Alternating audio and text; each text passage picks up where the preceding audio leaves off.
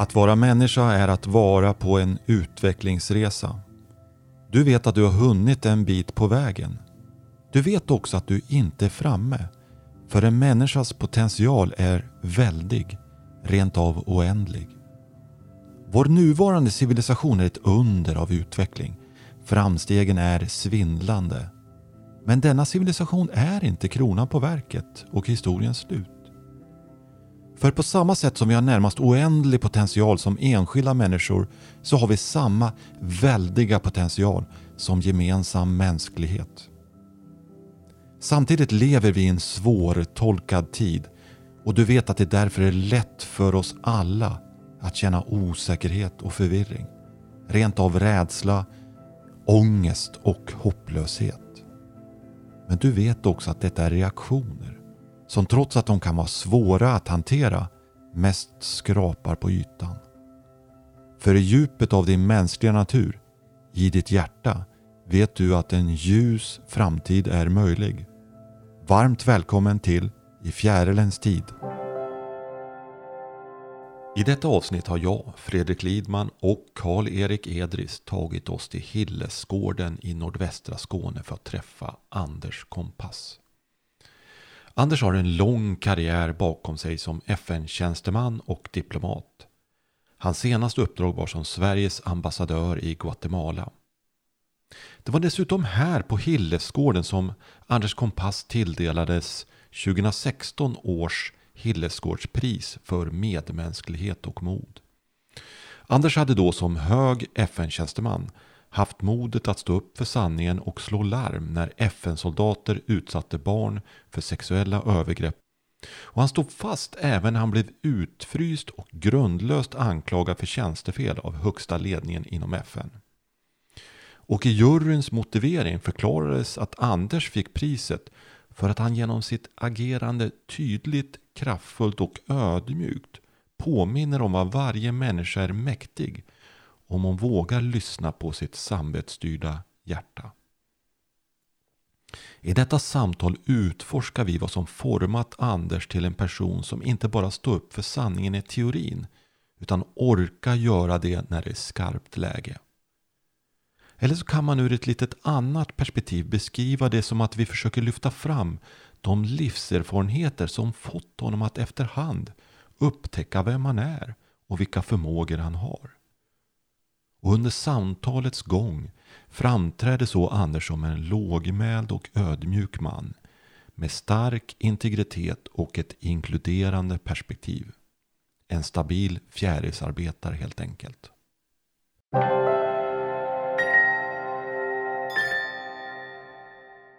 Min barndom som präglades väldigt mycket av att jag var, jag säger, var ensam, för vi flyttade mycket. Min pappa var borta väldigt mycket, eh, arbetade borta och vi bodde på olika platser som jag sa. Men på, i, i, i små samhällen, byar i Småland innan vi flyttade till Halmstad. De här samhällena var väldigt eh, monogena. Så att även om man eh, var svensk och, och, och, hade svenska föräldrar, men man var ändå någon som kom utifrån. Och den här känslan att inte tillhöra den, den, den historien och den närvaron som fanns gjorde att jag ganska tidigt fick liksom få, känna det här, hur det är att inte riktigt, inte riktigt eh, höra, höra, höra ihop med, det, med, med den närvaron som man bor i och att bli känslig inför det. Och sen eh, att mina föräldrar hade sina speciella problem också. Min mamma som var väldigt känslig och hade depressioner. Det gjorde också att jag fick ta, hand, ta väldigt stort ansvar väldigt tidigt. Så jag tror att, att det där fick mig också att, eh, att bli speciellt känslig inför hur det är att vara lite grann utanför och titta och studera den omgivning som jag då tillhörde eller, eller var på besök i. Samtidigt som också den här känsligheten av att förstå och försöka förstå och försöka vara till hjälp till vuxna människor som hade problem. Och ta ansvar för det. Så mm, jag tror redan då jag liksom upptäckte eller förstod att jag var, mm, ja, var, lite speciell i den bemärkelsen att jag hade ett, jag tvingades att ta, ta ganska så stort ansvar. Mm. Både i det lilla men också att ta ansvar för att vara någon som kom lite grann från utanifrån. Och jag fick väl upp, eh, utlopp för det, inte egentligen förrän vi flyttade till Halmstad.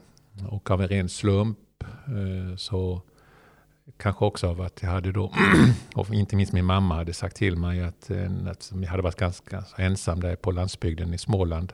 Att nu när vi flyttade till en stad så skulle jag passa på och få kompisar. Så av en ren slump så grannpojken eh, frågade mig om jag ville följa med till scouterna. Och det visade sig att det var då eh, scouterna inom Svenska kyrkan. Mm. Som kallas för Ansgarsförbundet. Jag stannade kvar där i den där, eh, i den där, ja, i den där miljön. Och blev ganska så snart eh, ja, ledare. Och började upptäcka, trots då min, min erfarenhet har varit ganska så mycket ensam. Men att jag hade både en förmåga och jag tyckte det var roligt att eh, ta ansvar och skapa en bra stämning, bra gemenskap bland eh, ungdomarna.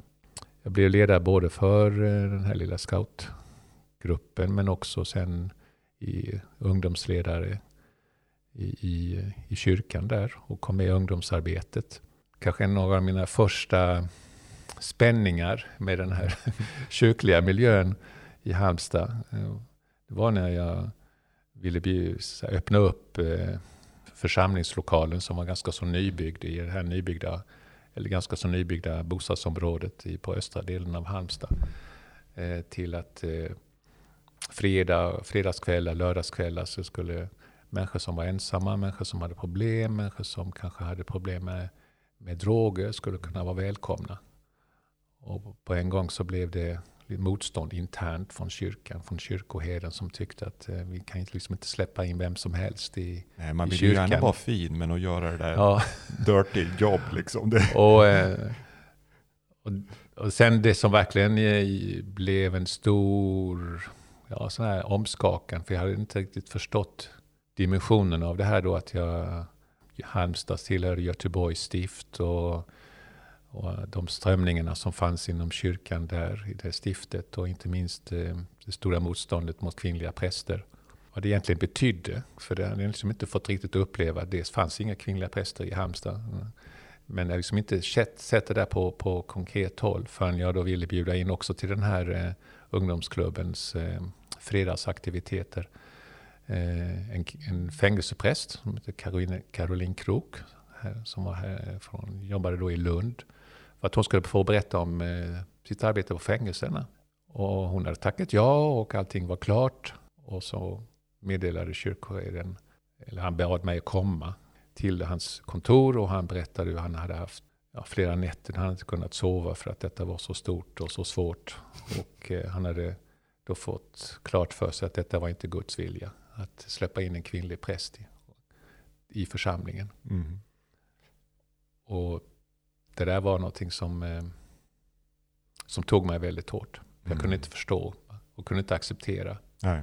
Ett, ett sånt beslut. Jag Nej. ansåg det då som fruktansvärt ja, orättvist, fel eh, och eh, samtalet till Carolina Krok var ju ett av de som jag tyckte då var ett av de jobbigaste samtalen jag haft. Ja. Men hon förstod på en gång vad det handlade om. Ja. Så det var inga, för hennes perspektiv så kanske inte det var så tufft. Det var tuffare, mycket tuffare för mig. Ja.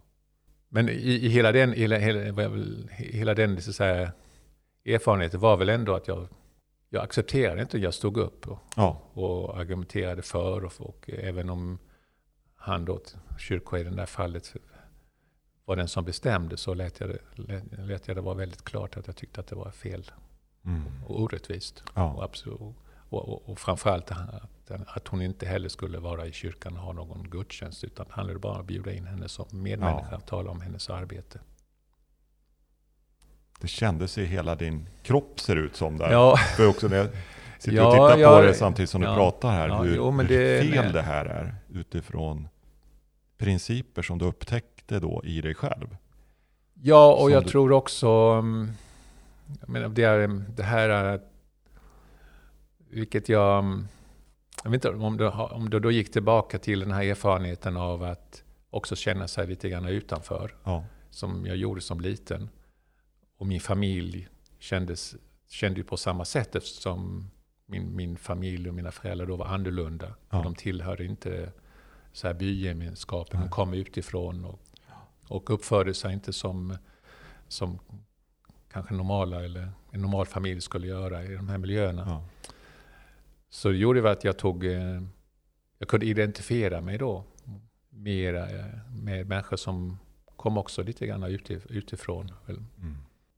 Och också det här då att jag inte, jag, inte, jag, jag, jag, jag, jag, jag fann mig inte i det. Nej.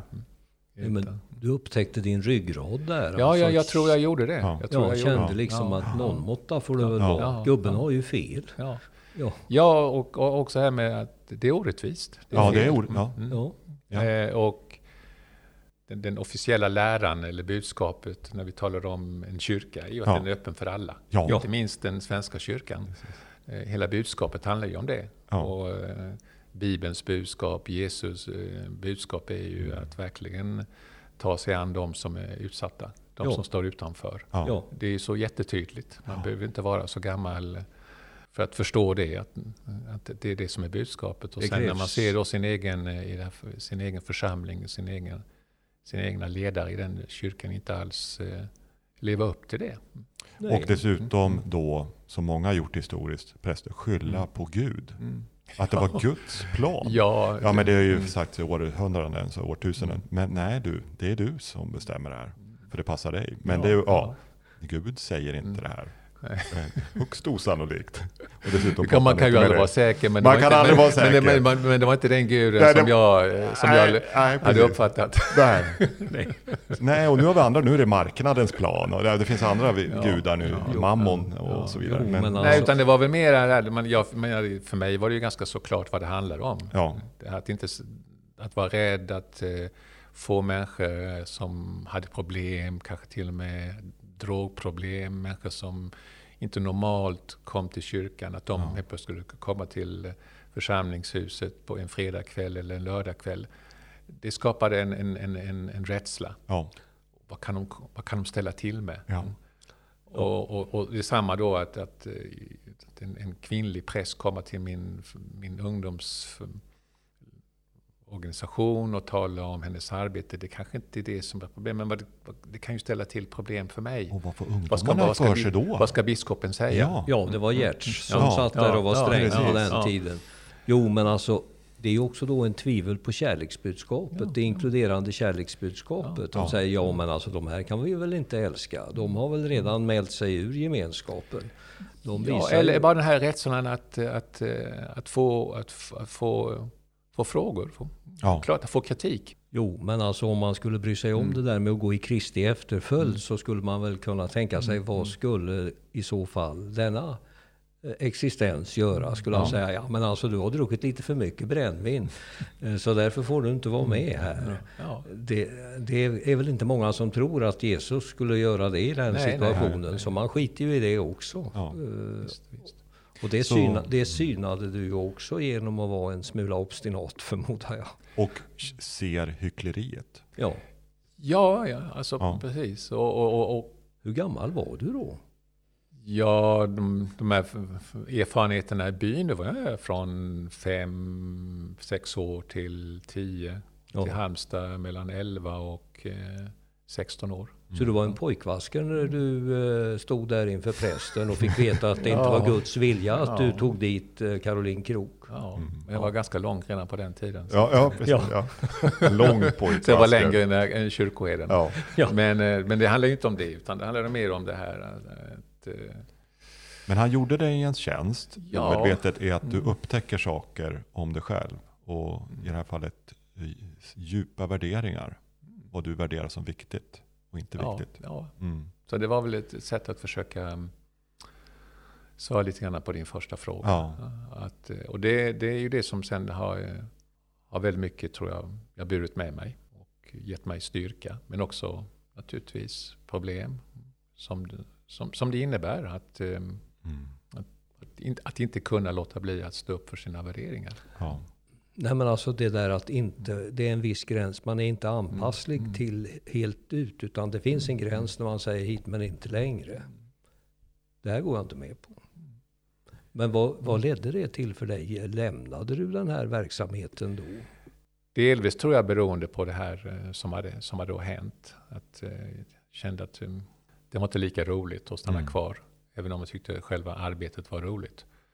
Men så också vill jag eh, av mer pers personliga, privata skäl också lämna Halmstad. Så jag flyttade till Uppsala och gick gymnasiet där på, ett, på en internatskola, Fjällstedtska skolan, som då tillhörde, var väldigt nära anknuten till Svenska kyrkan. Men det var helklassisk linje. Så jag läste le- grekiska och latin.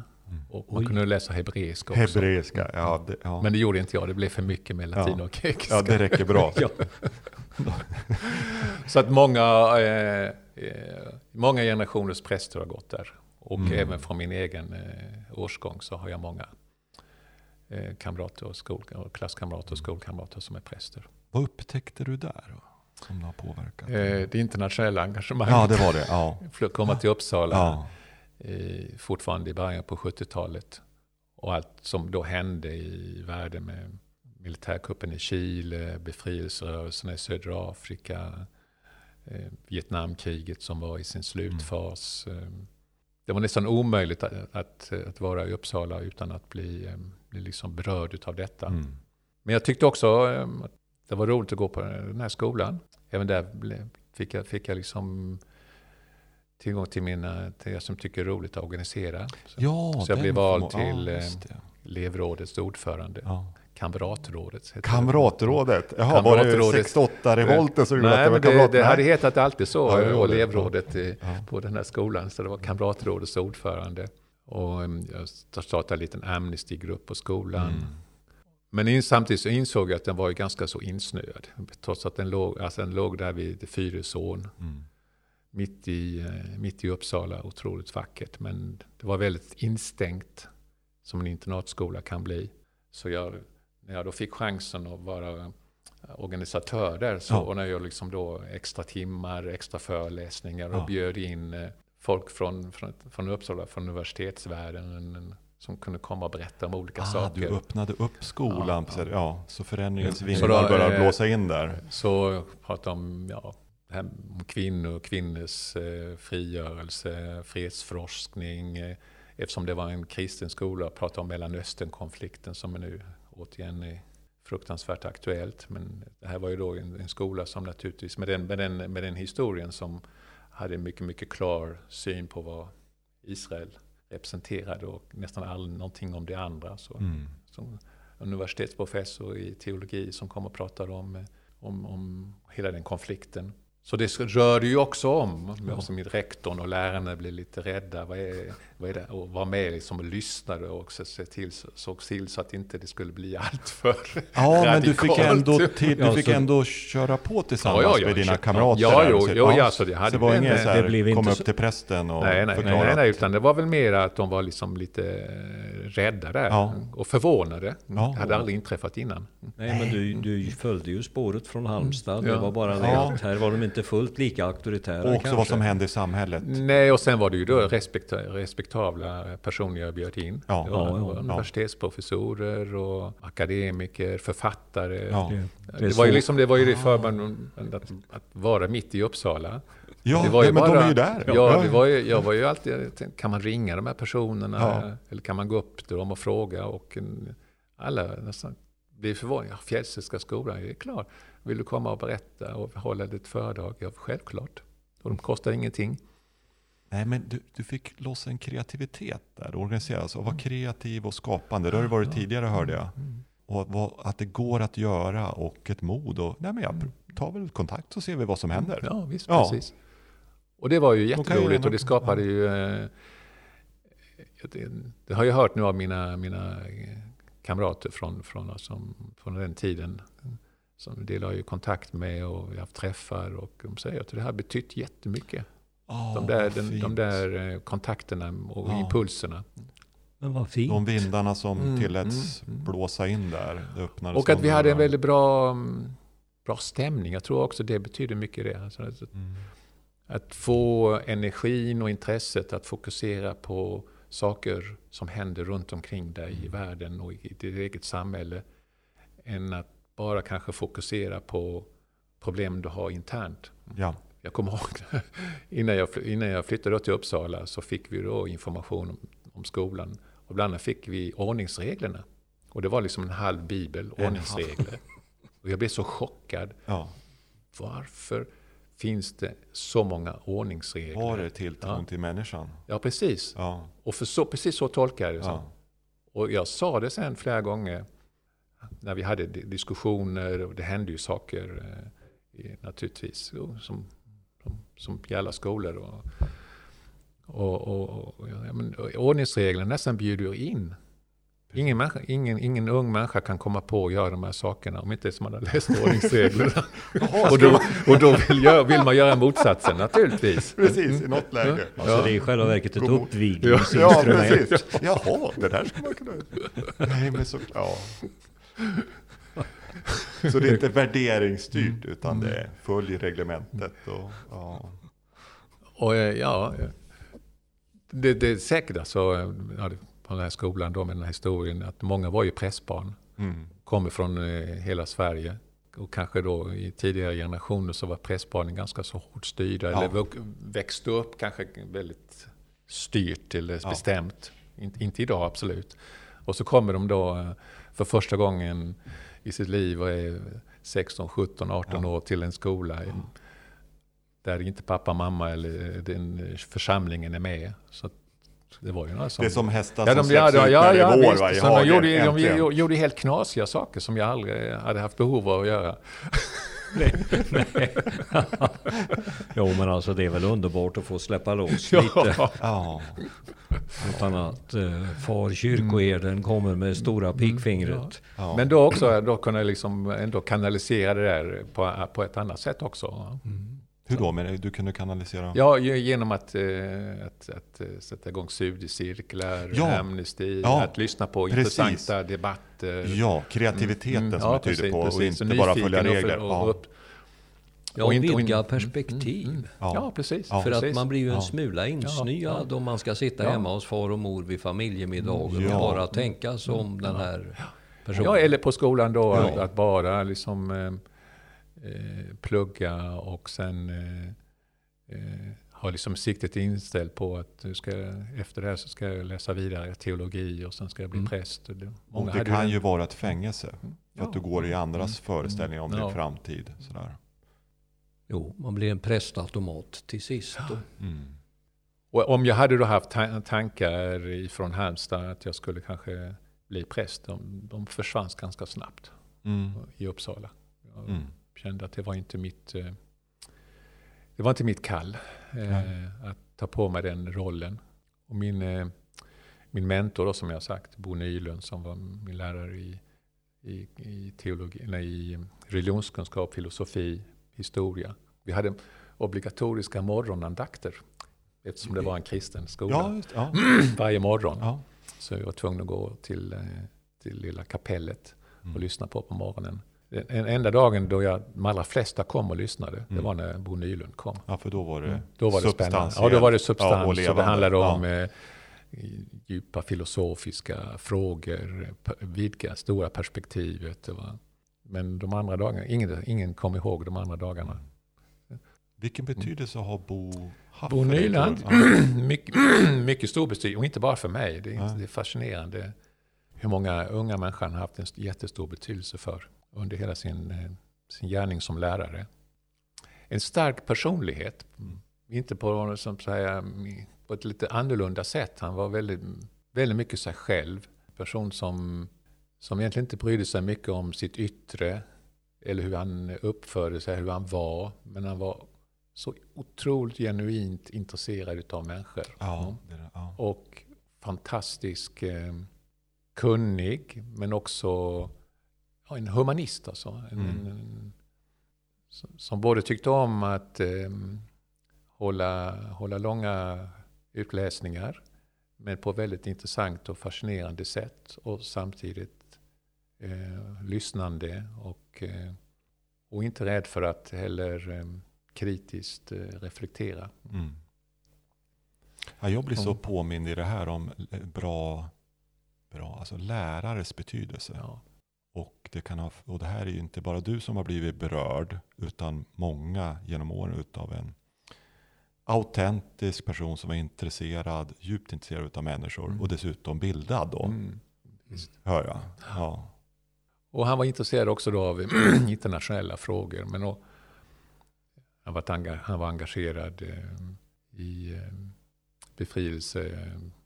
befrielserörelserna i Algeriet, fri, frigörelsen av Algeriet. Han hade många vänner där, de var från Angola och gamla Kongo. Så jag bad ju honom eh, att eh, vara min handledare när jag skulle skriva mitt specialarbete. Mm. Som jag skrev om eh, Paulo Freire, en brasiliansk befrielsepedagog. För då hade jag, som sagt, jag hade blivit intresserad av det här med, med alternativa former av pedagogik. Mm. Att in, lite grann som en, en kritik emot den här traditionella undervisningsmetoden. Som, som ju sen, som nästan hela mitt liv, har liksom försökt kombinera arbete med att hitta olika former på hur man kan få människor engagerade, hur man kan få ut kreativiteten, hur man kan reflektera, hur man kan bestämma eller komma överens om eh, vad är det vi ska göra tillsammans. Vad är det för mål vi har? Vad är det för syfte vi har?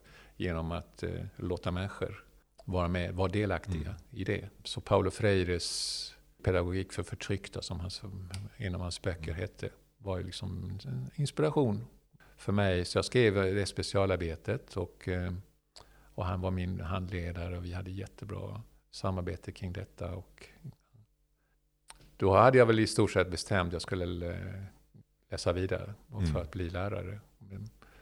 Men innan det så ville jag gärna få möjlighet att åka till ett land bortom Europa, bortom USA och allra helst Latinamerika. Mm. För att jag skulle kunna få ja, lite grann se av det här. Ja. Jag skulle kunna hitta Paulo Freire Nu har jag någonstans. pratat om det, nu ja, ska ja, vi gå.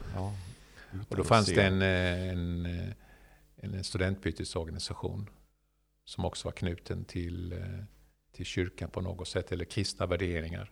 International Christian Youth Exchange. Det var egentligen inte förrän bara en par veckor innan jag skulle åka, efter, efter att jag tagit studenten, som man kom och sa från den här organisationen att man hade öppnat upp ett program i Guatemala om jag Ja. ville åka dit. Mm. Så det blev Guatemala. Ja.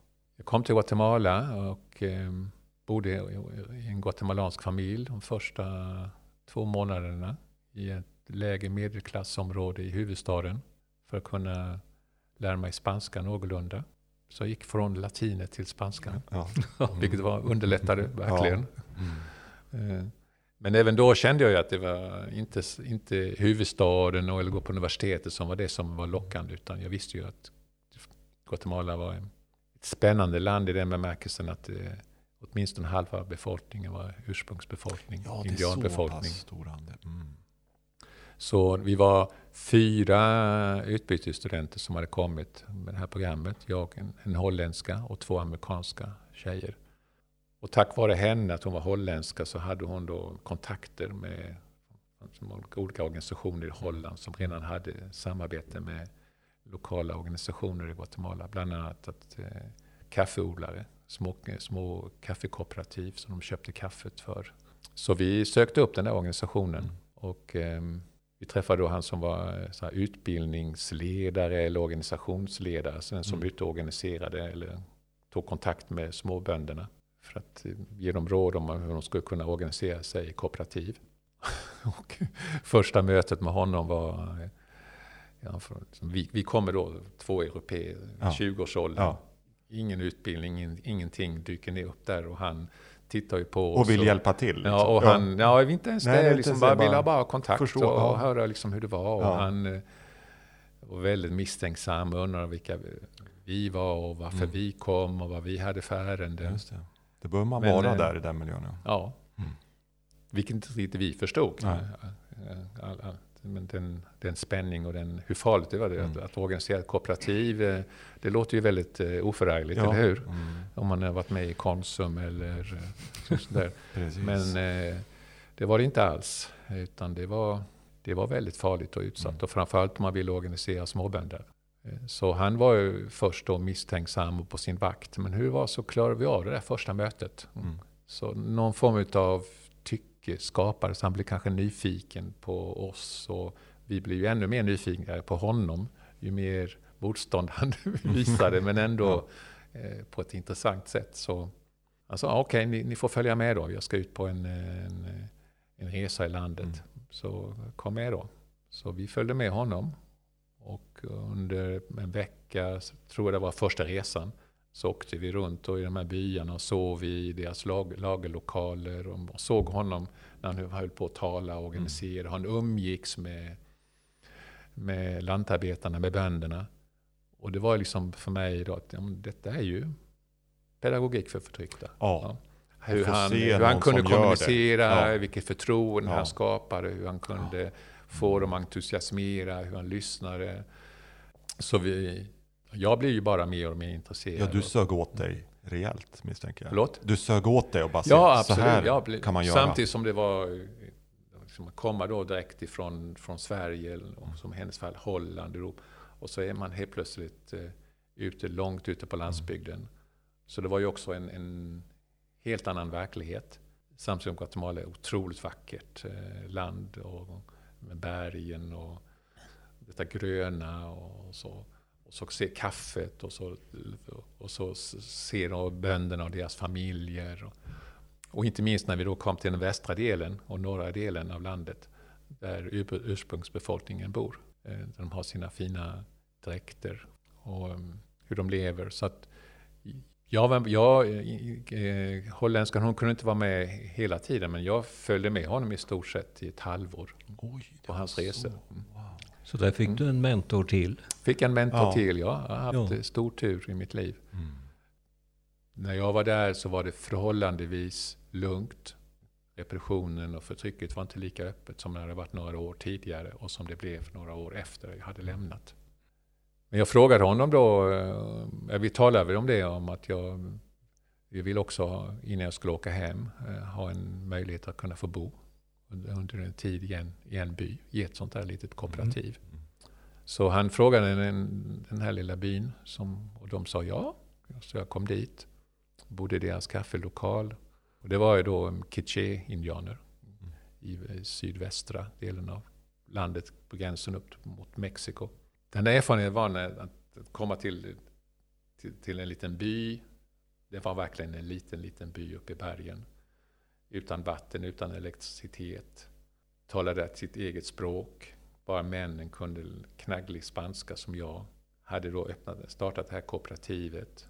Och, jag upptäckte efter ett tag att eh, var ju tillsammans med han som var då ordförande i, i kooperativet. Att han hade ingen ordning på sina räkenskaper. Nej, det låter som del av profilen. Ja. Så jag, jag hjälpte ja. dem att sätta upp eh, en bokföring. Mm.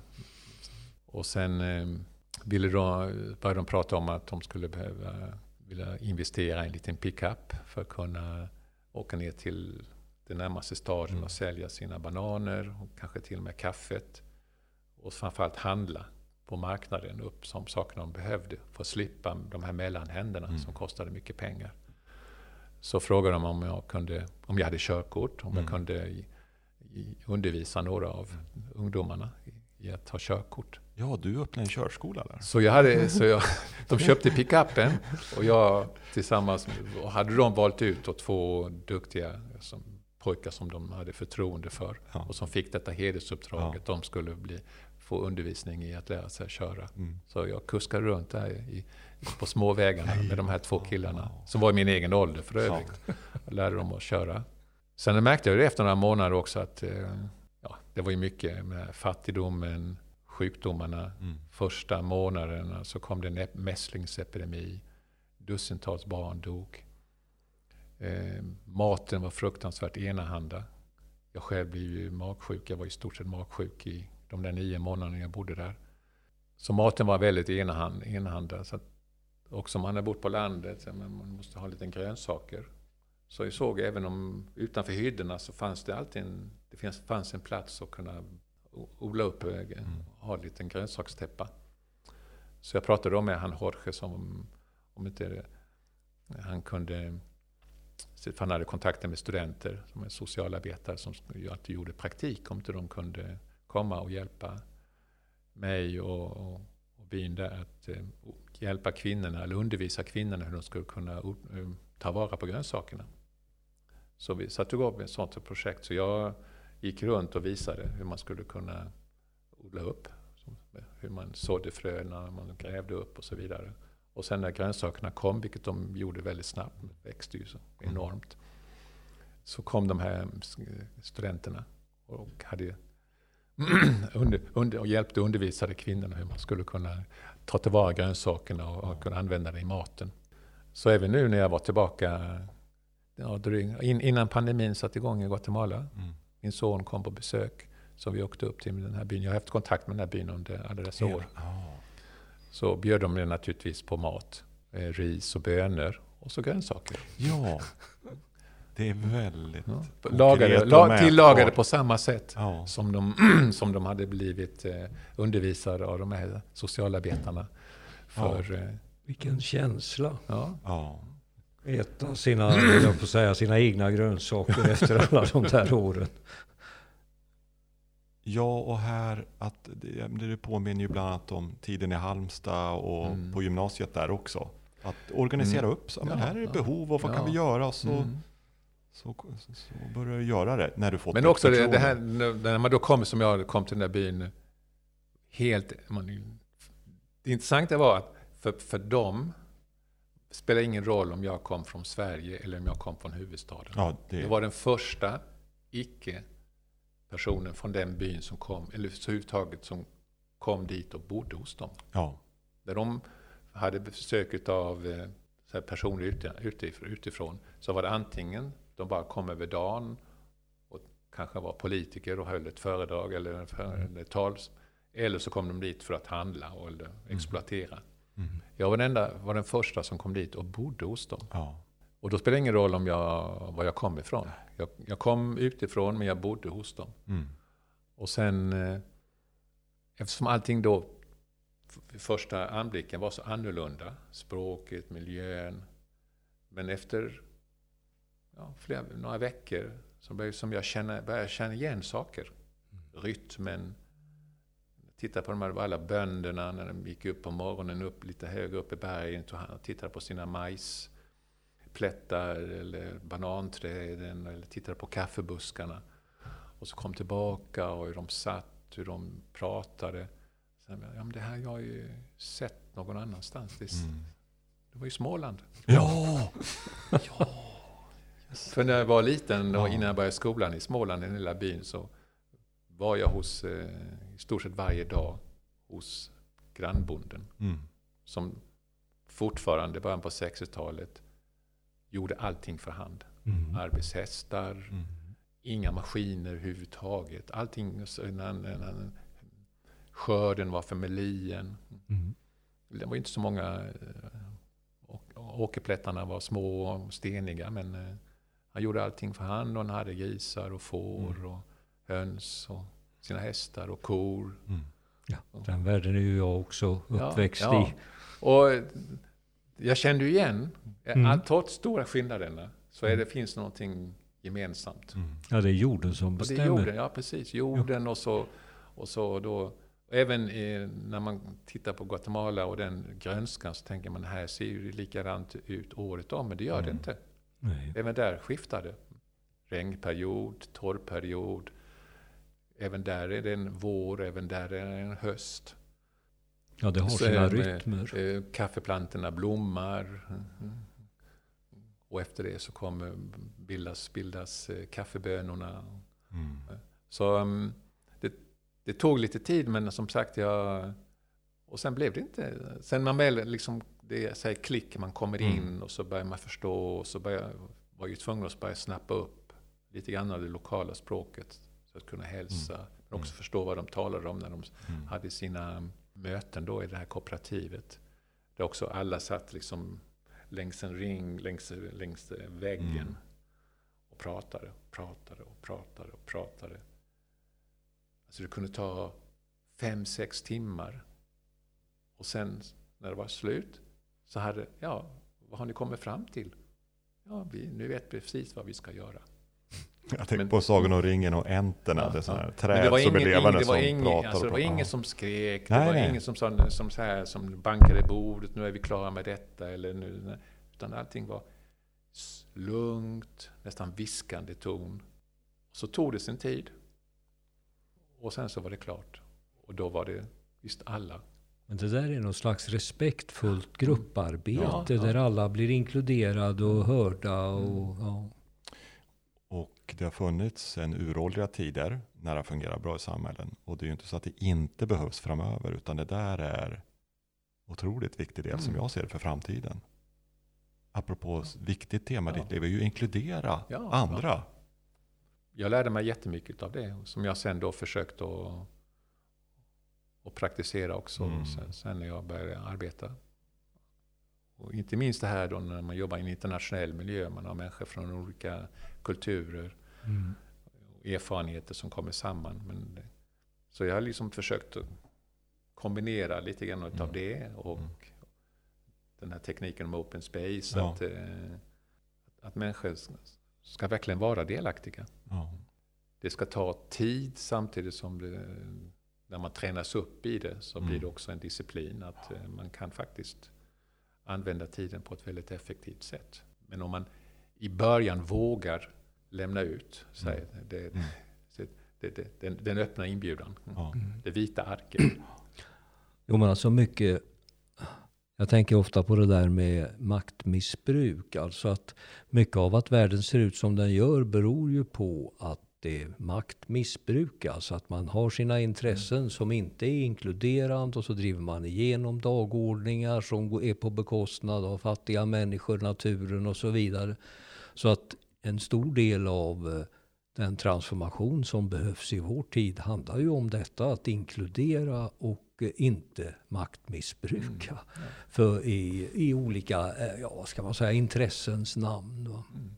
Men också ha, ha, våga ha tillit. Ja. Jag tror att det är mm, Mm. lika många gånger som, som det handlar om, så handlar det om makt. Och det, det finns ju alltid. Men det finns också den andra sidan att man inte riktigt vågar ge människorna Nej men det är det, klart det utrymmet och den chansen. att maktmissbruken emanerar ju ur det att man Mm. tycker att man vet bättre och, och så Ja, eller, vidare. eller, man, eller bara att man, man det, det kommer bli för krångligt, det kommer ta Ja. tid. Eh, Mm. De, vad kan de? Ja, man kan då. Ja. Ja, och, eller, att, ehm, eller att det ska missbrukas. Mm. Ja.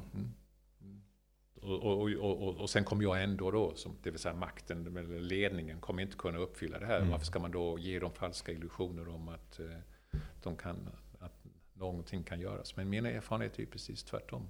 Mm. Kan jag hade en sån erfarenhet i eh, att hoppa, men, men som var sån där, där det verkligen ställdes på sin spets. Eh, och jag själv erkänner, jag var orolig. När jag då var i Mexiko den andra gången som öppnade upp för FN ett kontor för mänskliga rättigheter. Första gången i Mexikos historia där det gamla partiet som hade varit i makten i 70 år hade tvingats lämna ifrån sig makten i demokratiska val. Och det, det var en sån här brytningspunkt. Och i den där brytningspunkten så hade man bjudit in FN att öppna upp det här kontoret och jag kom dit ifrån, efter att jag hade varit i Colombia. Och det första, eh, egentligen enda arbetsuppgiften som jag hade fått, det var att vi skulle eh, göra någon slags kart, en kartläggning av Mexikos Mm. utmaningar vad gäller mänskliga rättigheter. Som var naturligtvis ofantliga. Ja. Mm, ofantliga. Detta enorma stora landet och som är en sån historia. Jag sa, men det, det enda sättet att någorlunda kunna närma sig detta, Mm. det är ju att eh, ha olika former av stormöten Ja. runt om i Ja. landet. Så att olika grupper kan komma samman och prata. Och bara det var ju liksom revolutionerande och oerhört farligt. Mm. Också i, i den miljön där människor hade lärt sig att det är bäst att jag är, håller tyst. ja, för att jag det riskerar liksom- min nacke annars. Det är hövdingen, det är Mm. borgmästaren, det är partibossen som bestämmer, Ja. det är godsägaren som bestämmer, det är polischefen som bestämmer och så vidare. Mm. Och så, så under åtta månader så hade vi haft sådana såna processer på gång som hade varit eh, spännande. Men då så skulle det kulminera när vi hade ett stormöte i Mexico City. Mm. Det var ett, ett, stort museum där det fanns möjlighet att verkligen kunna ha en öppet och så dela upp oss i grupper. Och människor kom då från olika delar av landet. som de som har varit väldigt aktiva. Men vi bjöd också in människor som Ja. bara kom. Då var det liksom ett skifte lite grann där i politiskt, där det skett en del saker under den här tiden. Det började bli lite hårdare, lite räddare. Så jag fick ju instruktioner från eh, mina, mina kontakter inom den mexikanska regeringen om att mm, det här med något stormöte i Mexico City på ett eh, museum, det kan bli oerhört farligt. Det kan, eh, det kan bli eh, revolt, det kan bli våld, det kan bli en protester. Jättefarligt. Så att du, du, du måste liksom kontrollera det där, det måste bli begränsat. Och du måste ha, ha, ha garantier om att alla ska bete sig korrekt. Och jag sa, ja, gör, gör jag det då blir det problem. Mhm. Ja, om du Utan- säger det. Ja, det är så regelboken nu- på gymnasiet. Om, låt, det som har gjort Mm. att vi har kommit hit, det är därför att vi har visat total Mm. transparens och förtroende. Låt oss nu göra det igen. Och jag vågar, jag vågar, fast jag inte var hundraprocentigt säker, Nej. men jag vågar säga, ingenting kommer hända. Mm. Människor kommer agera ansvarsfullt. Och det var vad som hände. Ja. Det var helt otroligt. Och jag be- beskrev det lite grann då efteråt, när, när, när allting var klart och alla var liksom trötta men glada och jätteöverraskade. Alla var jätteöverraskade. Ja. Att det hade varit som att komma på en söndagsmarknad i en by i Mexiko. Där liksom man går och tittar så är det hur mycket produkter som helst. Ungefär som på en loppmarknad. Man blir liksom för, förblindad av allt Mm. som finns. Hur ska jag kunna hitta fram här? Vad ska jag bestämma? Hur ska jag kunna Mm. hitta någonting som är intressant för mig? Så att i början är det sådär väldigt rörigt. Men sen efterhand så börjar jag liksom öppna, "Jaha, där är de sakerna, där är de sakerna, där är grönsakerna, där är korgarna, där är kläderna. Och så orienterar man sig. Och sen går det jättebra. Mm. Och så gick det på det där mötet också. Att våga ha tillit, Mm. även om inte, utan att ha 100% garantier. Men min erfarenhet är om man vågar det så får man fantastisk respons. Mm. Även, i, även i, i miljöer där det finns jättemycket misstänksamhet, brist på tillit, Mm. stora skillnader, så svarar människor upp Mm. om de ser att ja, detta är ärligt. Ja. Detta är seriöst. Det är vackert att höra det. För det är det gemensamt mänskliga vi har. Va? Det är där hopp finns. Att kan vi göra detta så kan vi hantera vilken situation som helst. Det är verkligen fint att höra. Sen ska vi vrida det till nuet och omständigheterna som vi lever i nu också. Det här var på 80-talet kanske? Detta var, nej, det var på 2000. 2000. Mm. Nej, men, ja, men det är ju, det är ju eh, högaktuellt. Det har väl alltid varit det. Men det är ju högaktuellt och det är högaktuellt Ja. i den debatten Ja, som, känner, vi, som vi nu hör om i Sverige. Där vi, ja, men, över hela världen, men också Sverige. Vi talar om ökade, ökade, ökad avstånd Mm. mellan oss. Misstänksamhet, misstro. Om man nu använder till och med ord som polarisering. Jag vet inte om det verkligen handlar om, om, om det. Men, men hur som helst så är det, är det ju lika. Det, och, och kanske bara det här, nu när jag kommer tillbaka till Sverige och, och också ta del av den här debatten om eh, att det handlar om om jag är ung förälder, att jag måste tänka på innan barnen föds, vad de ska gå i skolan och vilken Ja, skola. typen av och var jag ska få. Ja. sjukvård. Och Ja. Alla de här saker som överhuvudtaget inte existerade när jag växte Nej. upp. Mm. Och jag har alltid sagt det också nu när jag har jobbat utomlands. Att jag är så enormt tacksam och glad över att jag har gått en skola där alla gick. Ja. Mm. Och ett, en sjukvård som alla kan gå Mm. till. Och det är hög kvalitet. Och just det här att kunna växa upp med, med barn från olika sociala Mm. bakgrunder. Och kunna leka med dem och, och ha kontakt med dem efteråt. Det, är ju något, det har varit något unikt också i många, många, i, i, jämfört med många andra länder. Så skulle vi tappa det så tappar vi någonting otroligt viktigt. Ja, det finns ju också någonting jag tänker där när man som förälder ska då planera för sitt barn och leka Gud, för det är det man gör. Hur skulle det en förälder ha planerat för dig exakt hur du skulle göra? Och nej, men nu tar vi och flyttar till Halmstad för då Mm. kan det här hända. Mm. Men han kanske ska vara med där och så. För sig, din mamma sa någonting Mm. va. Och sen ska han till den här skolan i Uppsala. För då, nej. Utan du har behövt finna själv. Och sen har ju föräldrar burit fram saker och andra Mm. vuxna för dig. Jämfört med att det är en, en autostrada som ligger där. För att jag gör en bedömning här som förälder att det här blir nog bra för mitt barn. Och det behöver ju inte alls bli det. Vem vet vad som satt i det här barnet för potential som hade varit bra för honom eller henne. Alltså man kan ju säga att det är en bristande tillit till livet i det också. Ja. Alltså att, eh, jag brukar ju ibland säga att barnen kommer till oss från framtiden. Alltså de kommer ju med någonting. Så de ska ju egentligen inte yxas till efter det som är nu. Nej. Utan man ska ju titta med respekt på dem och tänka här kommer en möjlig förnyelse, här kommer mm. en ny levande stark person som kan komma med någonting. Och du blev ju inte tillyxad utan Nej. du fick ju göra det här. Ja, och följa dina egna inre impulser, stå ja. upp visa för prästen i Halmstad att mig kör du inte med. Och så sticker du till Uppsala och så gör du ditt och fattar att ja, den här ordningsreglerna, hade ni använt dem i Mexiko så hade det blivit full cirkus. Jag menar till och med väluppfostrade mm. prästgrabbar mm. blev, eh, blev provocerade ja, ja, av visst. Eh, ordningsreglerna. Så, mm. alltså, så det är någonting, alltså det finns någon ångest. Jag har ibland tänkt så här att när vi målar upp det här med undergångsvisioner och det ska gå åt skogen med saker och ting. Det ger oss en kramp i nuet. Ja. Då vi tänker istället för att se det här som att nu behöver vi vara fria, öppna och kreativa mm. för att hantera den här situationen. Så krampar vi oss i det vi tror att vi har kontroll över ja. och förstår. Och gör genom detta saken ännu värre. Mm.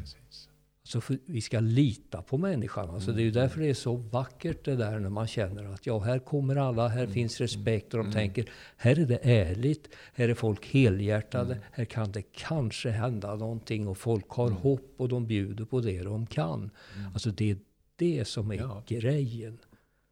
Absolut. Och det är jag har haft den där, den där fantastiska förmånen då, genom det, de, de arbetena jag har haft, att jag har kunnat helt enkelt var den här konvinien, den här som bjuder in ja. Mm. människor. Ja.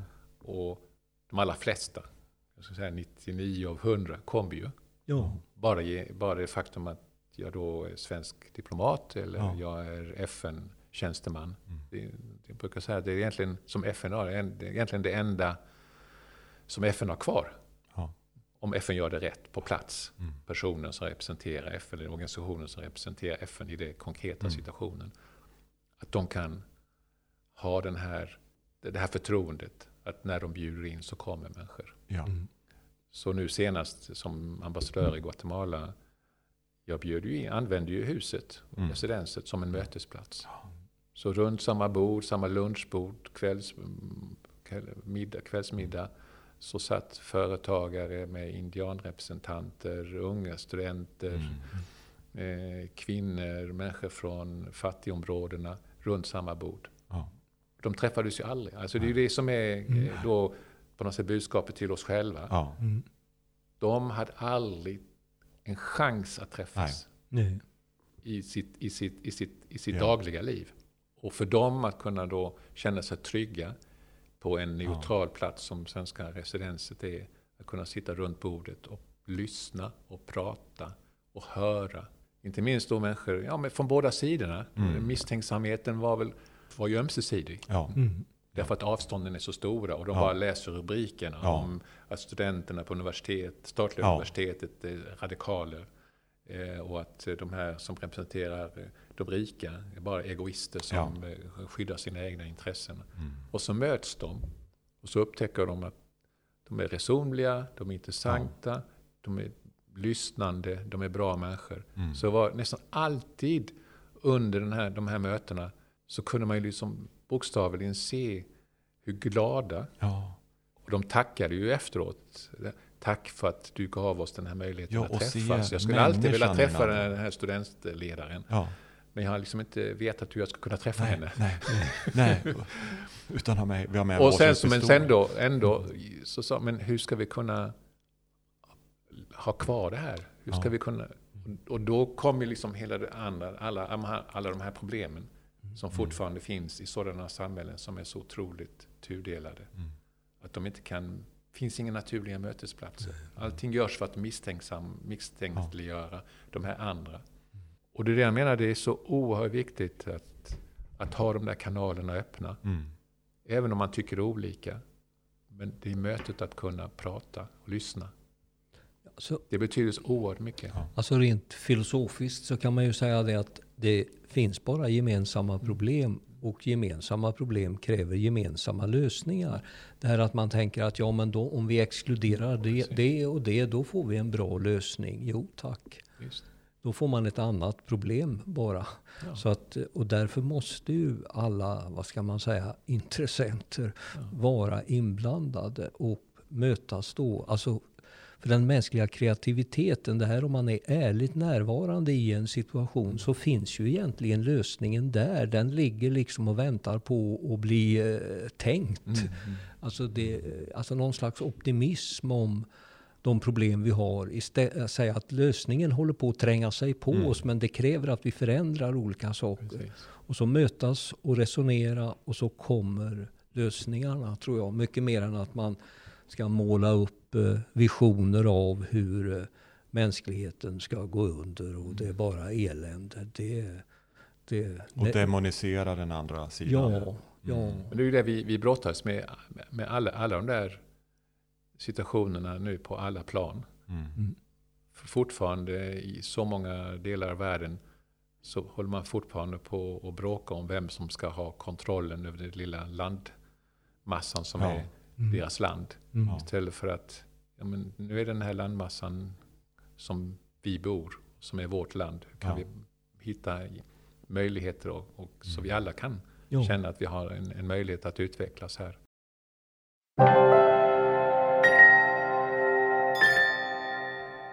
Vill du veta mer om Hillesgårdspriset och dess pristagare? Besök då gärna hillesgardspriset.se.